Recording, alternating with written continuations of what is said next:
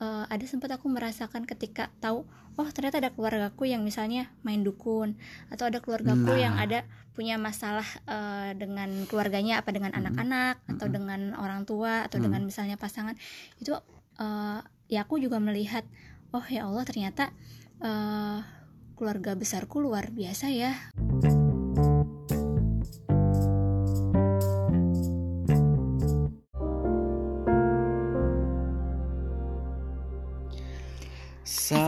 Assalamualaikum warahmatullahi wabarakatuh. Kembali lagi dengan keluarga Sotoy bersama Bunda, Abi, Eugene, dan Yumna yang lagi pada bobo. Iya kita Mumpung lagi pada bobo kita podcast nih. Mm -hmm. Nah kita sekarang ada di oh iya ini biasanya kalau di fase-fase awal itu kita selalu mengenalkan dulu bun bagi pendengar baru. Kami adalah keluarga kecil yang tinggal di pinggiran pinggiran Kyoto. pinggiran kota Kyoto Jepang ya. Uh, eh, WNI yang terseok-seok hidup karena beasiswa saja. Kita di Jepang kaum duafa. Kaum duafa kita. Tapi kalau di apa sih dijejerin sama uh, gaya hidup di Indonesia mewah ya kita di sini iya mewah dan iya begitu kali ya bedanya ya. Jadi podcast kita tuh kurang lebih terkait dengan uh, kehidupan berbangsa bernegara enggak ya? Kehidupan berkeluarga parenting tentang bagaimana uh, makna hidup dan segala macam karena ya intinya ini adalah podcast keluarga lah uh, kita ngebahas yang berat-berat. Ya mm, udah panjangan openingnya. Iya, iya opening udah kepanjangan. Lanjut. Oke. Okay.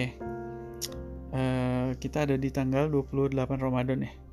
29 29 Ramadan. Kok 29 Ramadan? Ini tanggal 30 Ramadan. 30 Ramadan ya? Iya ini hari terakhir oh, iya. puasa. Iya. Jadi besok adalah Lebaran. Lebaran. Nah kadang Lebaran tuh Eh kadang Ramadan tuh habis 29 kali. Iya tapi kan 30 oh ini 30 oke. Okay. makanya semalam sidang isbat. Nah besok itu lebaran. Lebaran kedua Abi di Jepang. Lebaran pertama Bunda di Jepang. Dan lebaran pertama kita semua. Yang gak kayak lebaran. Iya karena covid. Jadi pengen banget. Sebetulnya nih podcast buat kita pribadi sih sebetulnya kita ingin coba ngobrolin tentang dulu kondisi bagaimana menyenangkannya Ramadan ya nostalgia gimana hmm. dulu Ramadan dan suasana Lebaran masa-masa hmm. kecil kali ya hmm. karena zaman itu dulu kayaknya apa ya momen momen-momen nostalgia itu tuh bukannya kita merasa mengeluh dan segala macam sih tapi kayak pengen mengembalikan suasana-suasana itu gitu tuh untuk menenangkan hati. Gitu gak sih? Mm, iya deh. Iya deh ya.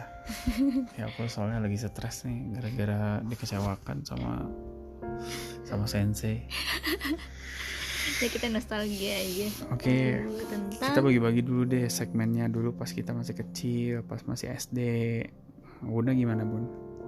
Uh, suasana Ramadan dan Lebaran kalau masa kecil itu Ramadan dan Lebaran apa Lebaran aja nih? Ramadan lah Lebaran juga. Ya Ramadan Lebaran lah. Uh, selalu spesial sih selalu berkesan. Karena buktinya masih ingat sampai sekarang beberapa yang masih diingat apa ya. Ya dulu pertama kali ya belajar puasa. Belajar puasa tuh mulai uh, ya mungkin kayak kebanyakan orang tua Indonesia ya di nggak sekecil itu juga kali bun. Apa? Enggak aku yang yang paling keinget adalah uh, mulai dari aku puasa hmm. uh, apa sih puasa itu dibayar 100 terus dibayar 300 sampai kapitalis. Sampai pas kelas 6 SD puasa tuh masih masih dibayar 1000 sebenarnya itu kayak kayak THR sih tapi dihitungnya karena karena puasa gitu ya. Sehari 1000 jadi kan kalau full puasa puasa tuh dapat 30 ribu kan. Hmm. lumayan tuh THR 30 ribu dulu gitu. Naik tuh.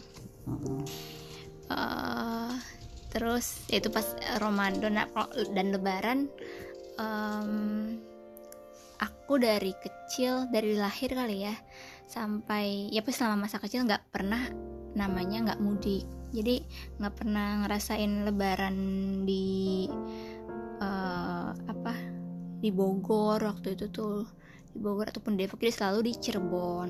Karena kampung ayah dan mama kan di Cirebon jadi kami selalu lebaran di Cirebon. Ya dengan segala uh, dinamikanya ya ya macet ya mudik. Ya pernah juga misalnya pas mobil uh, mogok akhirnya kita malah ke terdampar lebaran di Pegaden abis lebaran baru bisa pulang ke Losari.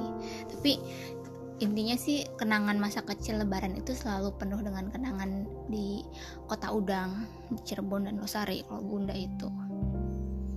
Iya kalau Abi di Bandung jadi pulang itu kan papa itu 10 ber, 11 12 bersaudara. Papa anak paling kecil.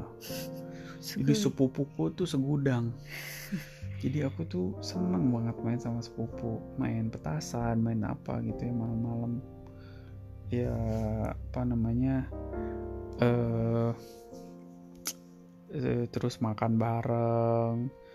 Terus biasanya aku kan dari keluarga bungsu dulu tuh pas aku masih kecil tuh papa tuh masih inilah ekonominya masih belum oke. Okay.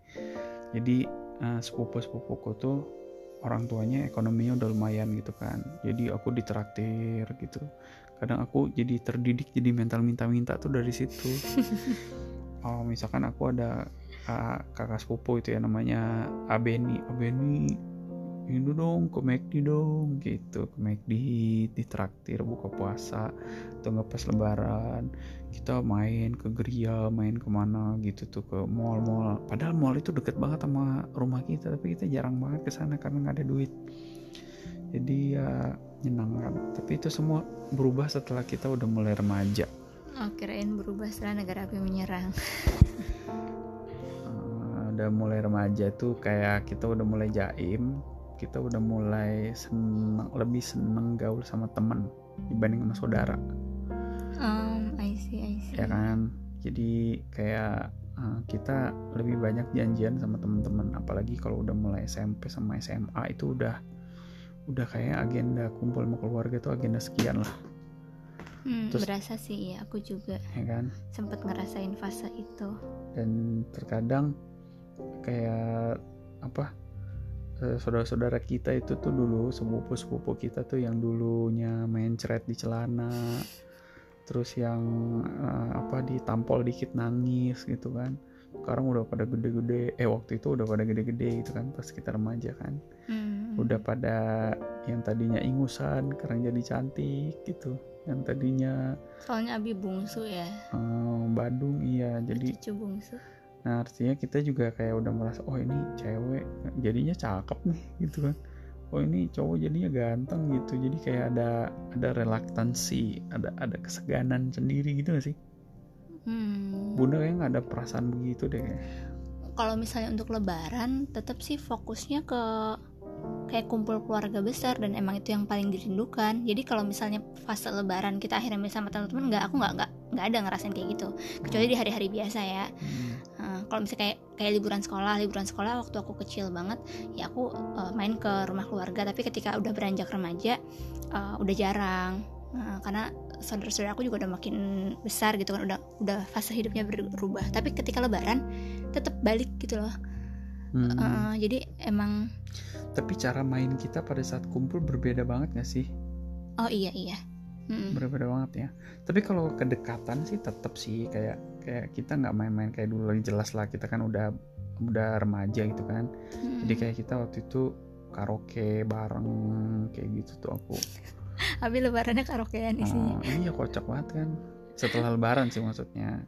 Uh, terus kayak halal bihalalnya gitu. Uh, uh, terus kayak ya muter-muter sih ke uwa-uwa gitu kan ke bibi-bibi uh, kan papa anak terakhir mama anak pertama jadi ya muter-muternya banyak lah mama 10 bersaudara papa 12 bersaudara jadi lumayan banyak juga itu keluarga ini masih keluarga inti sebenarnya ya tapi udah besar banget ya Mm-mm. kalau misalnya eh, di aku kan keluarga tuh sampai kumpul halal bihalal tuh sampai ke istilahnya lingkaran ketiga gitu loh jadi sampai Hmm, ke iya, sepupunya iya, iya, sepupu iya. heeh, jadi udah udah kayak pohon ke Hmm, atas Heeh.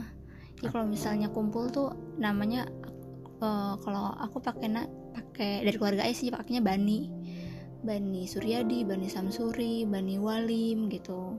Jauh-jauh banget sih itu. Aku Mm. aku orang keluarga besarnya maksudnya keluarganya papa sama keluarga mama itu udah, udah banyak banget gitu. Kalau di luar itu udah misalkan udah berkunjung ngafal ya? ke sepupunya papa gitu tuh Heeh, heeh. pegel banget gitu tuh banyak banget gitu orang nggak udah nggak relevan lagi gitu. Udah kita juga nggak apal-apal juga. Tetapi kita aku aku SMP SM, SMP SMA lah. Itu masih dapat THR Hmm, masih dapat THR aku oh, aku SMA masih. SMA Iya, masih. kan masih masih kuliah. anak yang bergantung udah sama mulai enggak. Kuliah udah mulai enggak. Kuliah tuh sebentar. Kuliah itu aku lebaran kayak apa ya? Beda banget sih. Bunda ngerasa nggak? Kalau aku ya pribadi ya. Kayak maaf, maaf kata nih aku bukannya gimana gimana ya tapi eh, kuliah itu adalah masa yang paling paling membuat aku berubah banget lah secara mindset. Gitu. Ya termasuk momen Ramadan lebarannya ya itu bagian gitu. Maksudnya berubah tuh dalam konteks berubah secara pengetahuan. Hmm, berubah secara sikap berubah secara ya tindak tanduk eh, preferensi dan segala macamnya gitulah. Hmm, nah artinya terkadang ada budaya-budaya yang masih nggak cocok gitu yang nggak sesuai dengan apa yang aku pelajarin di kampus yang masih ada di keluarga. Itu tuh padahal dulu aku melakukan itu gitu tuh. Tapi kemudian- kesannya jadi beda gitu ya? Heeh, kesannya jadi beda. Kayak misalkan Lebaran, eh, apa menjelang Lebaran, aku di kampus abis-abisan sama teman-temanku itu tuh ngejar tilawah misalkan, Hmm, itikaf. hmm, Keluarga ke, aku nggak ada yang itikaf sama sekali nggak ada. Waktu itu gitu.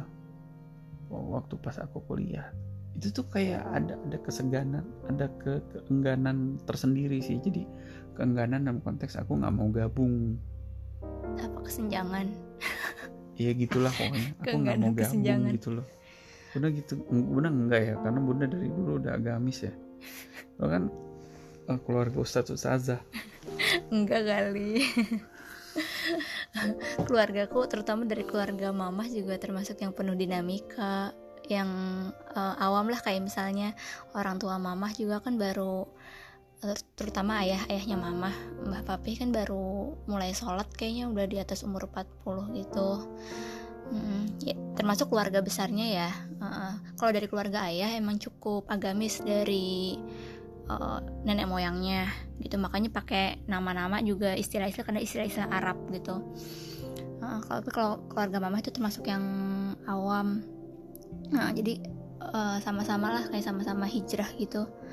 Nah eh, yang kalau misalnya pengen ini pengen pengen share sedikit eh, salah satu yang paling berkesan gitu namanya momen lebaran itu kan emang silaturahimnya terus makanan-makanan khasnya ya rame-rame lah gitu yang halal bihalal gitu.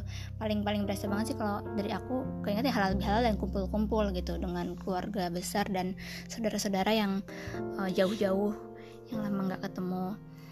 Eh, tapi dapat insight juga dari bunda juga sempat ngerasain kayak abi yang eh, ada fase berjuang gitu di 10 hari terakhir Ramadan dengan itikaf itu aku baru ngerasain pas SMA emang pas SD apalagi SD kan aku SD IT gitu kan. Ya berasa lah suasana Ramadan misalnya SMP juga ada ngadain pesantren kilat segala tapi aku ngerasain momen yang untuk diri sendiri kayak kayak hijrah kayak apa ya per- kayak spiritual lah perjalanan Hmm. spiritual nah, untuk diri sendiri itu pas SMA pertama Hmm. kalinya nyobain itikaf full. Itu nggak 10 hari sih karena kan hamin dua mudik gitu. Jadi cuma 7 atau 8 hari. Dan itu berasa indah banget masa-masa itu gitu. Eh, dan eh, baru tahu juga gitu ketika uh, ya pas masa-masa itu sampai ke kuliah gitu. Kalau sebenarnya dalam Islam uh, justru memang kita merayakan atau misalnya ber merayakan lah istilahnya merayakan atau berjuang uh, harusnya semangatnya tinggi tingginya emang ketika 10 hari terakhir Ramadan itu mengejarkan mengejar uh, ibadah dan pahala uh, sebanyak banyaknya dan justru ketika Lebaran ketika Lebaran itu adalah fase istirahat setelah begadang selama 10 hari sebelumnya gitu. Jadi kalau dapet cerita dari kebiasaannya di Saudi Saudi Arab kalau misalnya habis sholat itu tuh kalau misalnya aku kebiasaannya salam salaman dari Abi juga gitu kali ya. Hmm. salam salaman ke rumah saudara uh, sungkem sungkeman kayak gitu kan maaf maafan gitu kan terus makan makan kalau kebiasaan yang di Saudi yang aku pikir akhirnya ih make sense ya memang Islam memang harusnya sih begini. Jadi abis sholat itu malah tidur gitu. Jadi sepi nggak ada tuh namanya kayak halal bihalal gitu gitu ya mungkin mereka di momen yang berbeda kali ya karena budayanya kan juga beda uh, momen silaturahimnya tuh jadi bukan bukan saat lebaran. Nah uh, itu salah satu insight baru yang aku dapat waktu aku uh, ya remaja menuju dewasa. Uh, hmm. tapi ya tetap rasa indah banget sih namanya. Ya lebaran kumpul terus salam salam iya ya itu juga di Indonesia juga bukannya salah gitu kan. Dan tetap tetap indah juga gitu. Cuman ya waktu itu pas mulai kuliah terutama tuh yang kayak aku uh, muda sering ngeliat nggak sih ada anak muda yang baru belajar banyak gitu terus seolah-olah dia tuh merasa paling benar dan ingin menyalahkan gitu loh. Kalau ada yang tidak sesuai dengan apa yang dia pelajari itu tuh aku banget tuh oh, gitu. Pas, lagi ini kan diri aku pas, pas kampus dan itu somehow jelek banget gitu ya. Tapi bukan berarti apa yang aku pahami itu kemudian keliru nggak juga ya aku akhirnya uh, ya ada ada kesenjangan gitulah nggak nggak mm -hmm. seperti dulu gitu mm -hmm. jadi kayak aku merasa dari dulu nggak berubah-ubah ya gini-gini aja ya saudara-saudara gitu hmm. jadi kadang aku merasa sombong oh, sombong sombong dan ujub kayak gitu kan yang sebetulnya setelah itu akhirnya setelah mulai habis itu lulus gitu kan belajar lebih dalam lagi ya ya justru yang kayak gitu itu adalah fenomena yang yang kita harus membaur sama mereka gitu tuh untuk kemudian kita bisa mewarnain gitu kan dengan sesuatu yang uh, benar gitu tuh. Cuman intinya adalah uh, Ramadan dan Lebaran itu itu adalah muara pertemuan uh, gejolak perubahan fase hidup. Iya nggak sih? Karena itu kayak checkpoint hidup kita gitu loh. Aku nggak merasa tahun baru masehi itu checkpoint buat aku. Itu tuh checkpoint administrasi aja. Aku nggak merasa checkpoint hidup aku tuh adanya di tahun baru Muharram gitu eh, tahun baru Hijriah enggak tapi ada di Lebaran. Hmm. itu kayak kayak masuk ke fase yang baru gitu semua pertanyaan setiap fase hidup tuh ada di Lebaran gitu gimana udah lulus apa belum? Udah, udah nikah, nikah apa, apa belum? belum? Udah isi udah, apa belum? udah isi apa belum? Itu kan.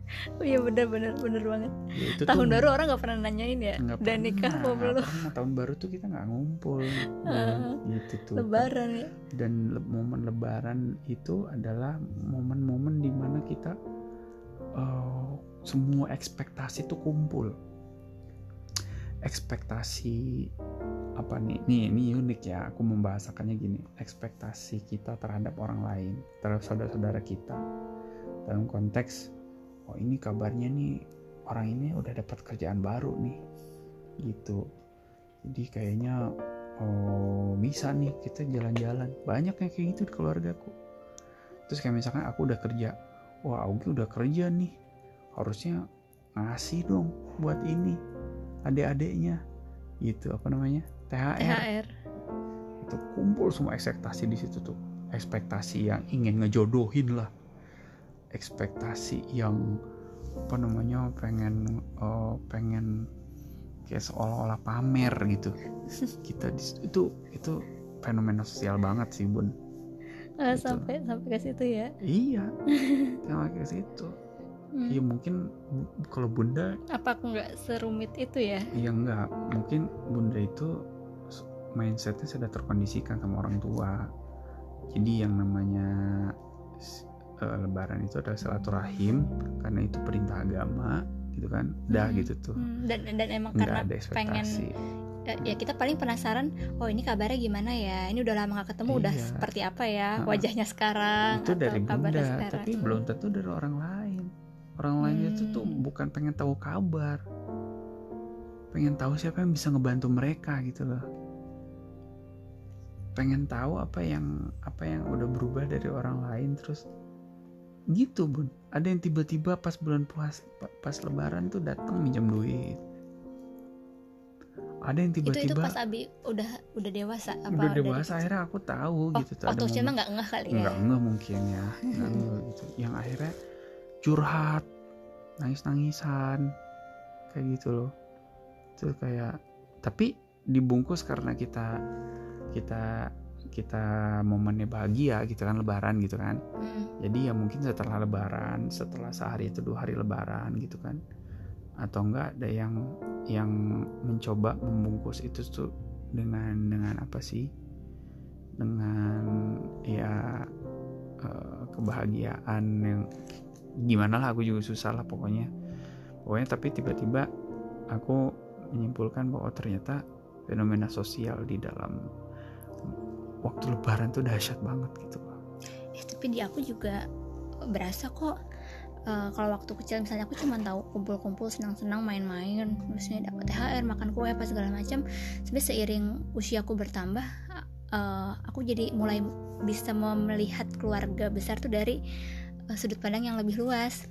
Kayak eh, ada sempat aku merasakan ketika tahu oh ternyata ada keluargaku yang misalnya main dukun atau ada keluargaku Nah. yang ada punya masalah eh, dengan keluarganya apa dengan Hmm. anak-anak atau Hmm. dengan orang tua atau Hmm. dengan misalnya pasangan itu eh, ya aku juga melihat oh ya Allah ternyata eh, keluarga besarku luar biasa ya eh, dinamikanya gitu ternyata duniaku tuh luas banget nggak sekecil ya yang aku bayangkan Mm. dan eh, aku jadi bisa melihat momen lebaran itu kayak momen eh, orang tuaku eh, aku ngerasa kayak mereka tuh jadi jembatan loh misalnya jembatan silaturahim misalnya di keluarga Mm. ayah kemudian jembatan silaturahim dan untuk menyelesaikan berbagai macam masalah di keluarga mama Mm-mm. Eh, baik itu masalah ekonomi masalah berantem saudara kayak gitu Mm-mm. Heeh.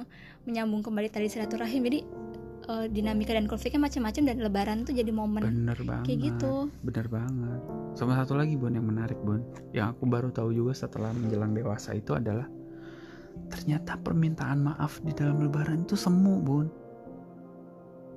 Iya kayak nggak seperti apa yang aku dulu waktu kecil tuh bayangkan. Kalau misalnya yang kita kan selalu dibilang dengan dengan itu tuh kita minta maaf kita akan kembali suci kita akan memaafkan semuanya. Mm, enggak bun orang-orang ya aku waktu itu katakanlah aku remaja menjelang dewasa gitu kan. Orang tua orang tua kita tuh nggak memahami seperti itu. Gitu tuh. Persis setelah maaf maafan sore sorenya ngomongin di belakang. Gitu. Terus sebel karena ada misalkan satu keluarga besar itu tuh ada sat dari keluarga besar ada satu keluarga yang superior. Mm, yang ini minta dilayanin. Waduh, itu tuh. Itu mulai tuh. Jadi ya banyak banget sih intinya intinya fenomena sosial yang dahsyat yang ada di lebaran itu yang yang menurut aku setelah kita belajar gitu kan Mm-mm. ya nggak seperti itu harusnya gitu Hmm. tuh ya mungkin dinamika dan konflik keluarga kita beda gitu ya bi Hmm. Heeh, cuman yang mungkin bisa bunda garis bawahi yang sama-sama bisa kita ambil hikmahnya eh, apa ya momen lebaran eh, atau misalnya kumpul keluarga itu sebenarnya bisa kita kita pahami menjadi eh, saat-saat kita lebih ya peduli lebih eh, apa ya ya t- intinya Iya, kalau iya. misalnya dari kita tahu tentang keluarga besar kita seperti apa dan kita ambil pelajaran dari situ Mm. eh, kita bisa melihatnya dengan lebih arif dan bijaksana dan yang paling penting ya kita harus set mindset itu kepada anak-anak kita gitu kalau lebaran itu adalah momen yang sangat baik gitu tuh bukan momen yang justru menjadi muara segala pertemuan ekspektasi sosial. Asik ya gak sih? Keren ya bahasa ya istilahnya ekspektasi sosial. Iya loh iya kan? Ekspektasi sosial. Kita berharap uh, dengan bertanya udah lulus apa belum? Dengan ada harapan udah lulus gitu kan. Udah nikah apa belum? Itu harus dicoret dari dari pertanyaan anak-anak kita. Iya itu Enggak kita mungkin ya menanamkan dikasih tugas ini aja. Apa sih tugas uh, apa namanya pengamatan sosial mengenal keluarga. Ya, untuk anak-anak. Tapi iya yang yang negatif-negatif itu yang harus kita uh, redam terlepas dari itu ya mau gimana pun juga ya mau gimana pun kondisi lebaran gitu. Mungkin di sini ada pendengar yang punya versi lain ada yang lebih menyenangkan ada yang justru lebih tidak menyenangkan dari apa yang aku uh, gambarkan gitu kan ya ya walau alam cuman yang jelas terlepas dari itu semua masya allah gitu. Momen lebaran itu momen yang paling sangat dinantikan sih. Hmm, hmm, hmm. gitu. Mau kayak gimana pun ya konteksnya. Bahkan orang yang kita sebelin aja kita ingin tahu gitu kabarnya kayak gimana gitu. Dan sekarang semua berubah. dan sekarang semua berubah. Pertama kita udah di Jepang. Kita terbatas gitu tuh. Semuanya ya ya nggak bisa. Itu paling video call doang udah. Mm ya kan? Mm terus Dan, iya sholat. Ya kita sholat id. Ya salam salaman juga nggak bisa. Ya udah mau kita ditambah di Jepang jauh dan sekarang covid juga.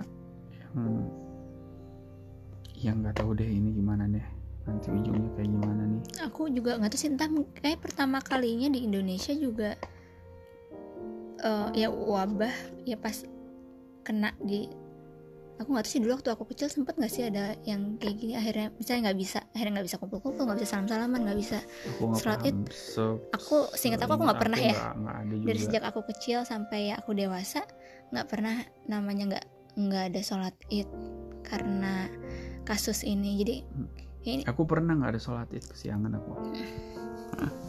Bukan kesiangan kita lebaran dua tahun lalu bukannya kita juga telat ya? Iya iya. Dikiranya. Dua tahun lalu ya dikiranya sebelum, belum sholat tahunya udah khutbah. Sebelum Yumna lahir ya? Uh, iya iya iya. Aku lagi hamil nih oh. itu koplak banget sih. Padahal masjid deket rumah ngadain sholat gitu kita milihnya yang jauh. Iya iya kan tapi mau gimana pun tetap indah ya kan? Hmm, selalu berkesan. Gitu. Di Indonesia luar biasa sih dengan segala budaya. Yang enggak budaya mudik budaya halal lebih halal kan cuma ada di Indonesia ya? Tapi itu benar-benar berkesan. untuk ke depan oh, aku pribadi berharap banget sih ya semua akan kembali seperti semula gitu bahkan jadi lebih baik ya. Terlepas dari segala macam kajian apa pun baik itu saintifik dan non saintifik baik itu konspirasi dan non konspirasi kami nggak bahas teori new normal. Ya new normal atau old normal lah gue nggak yang jelas.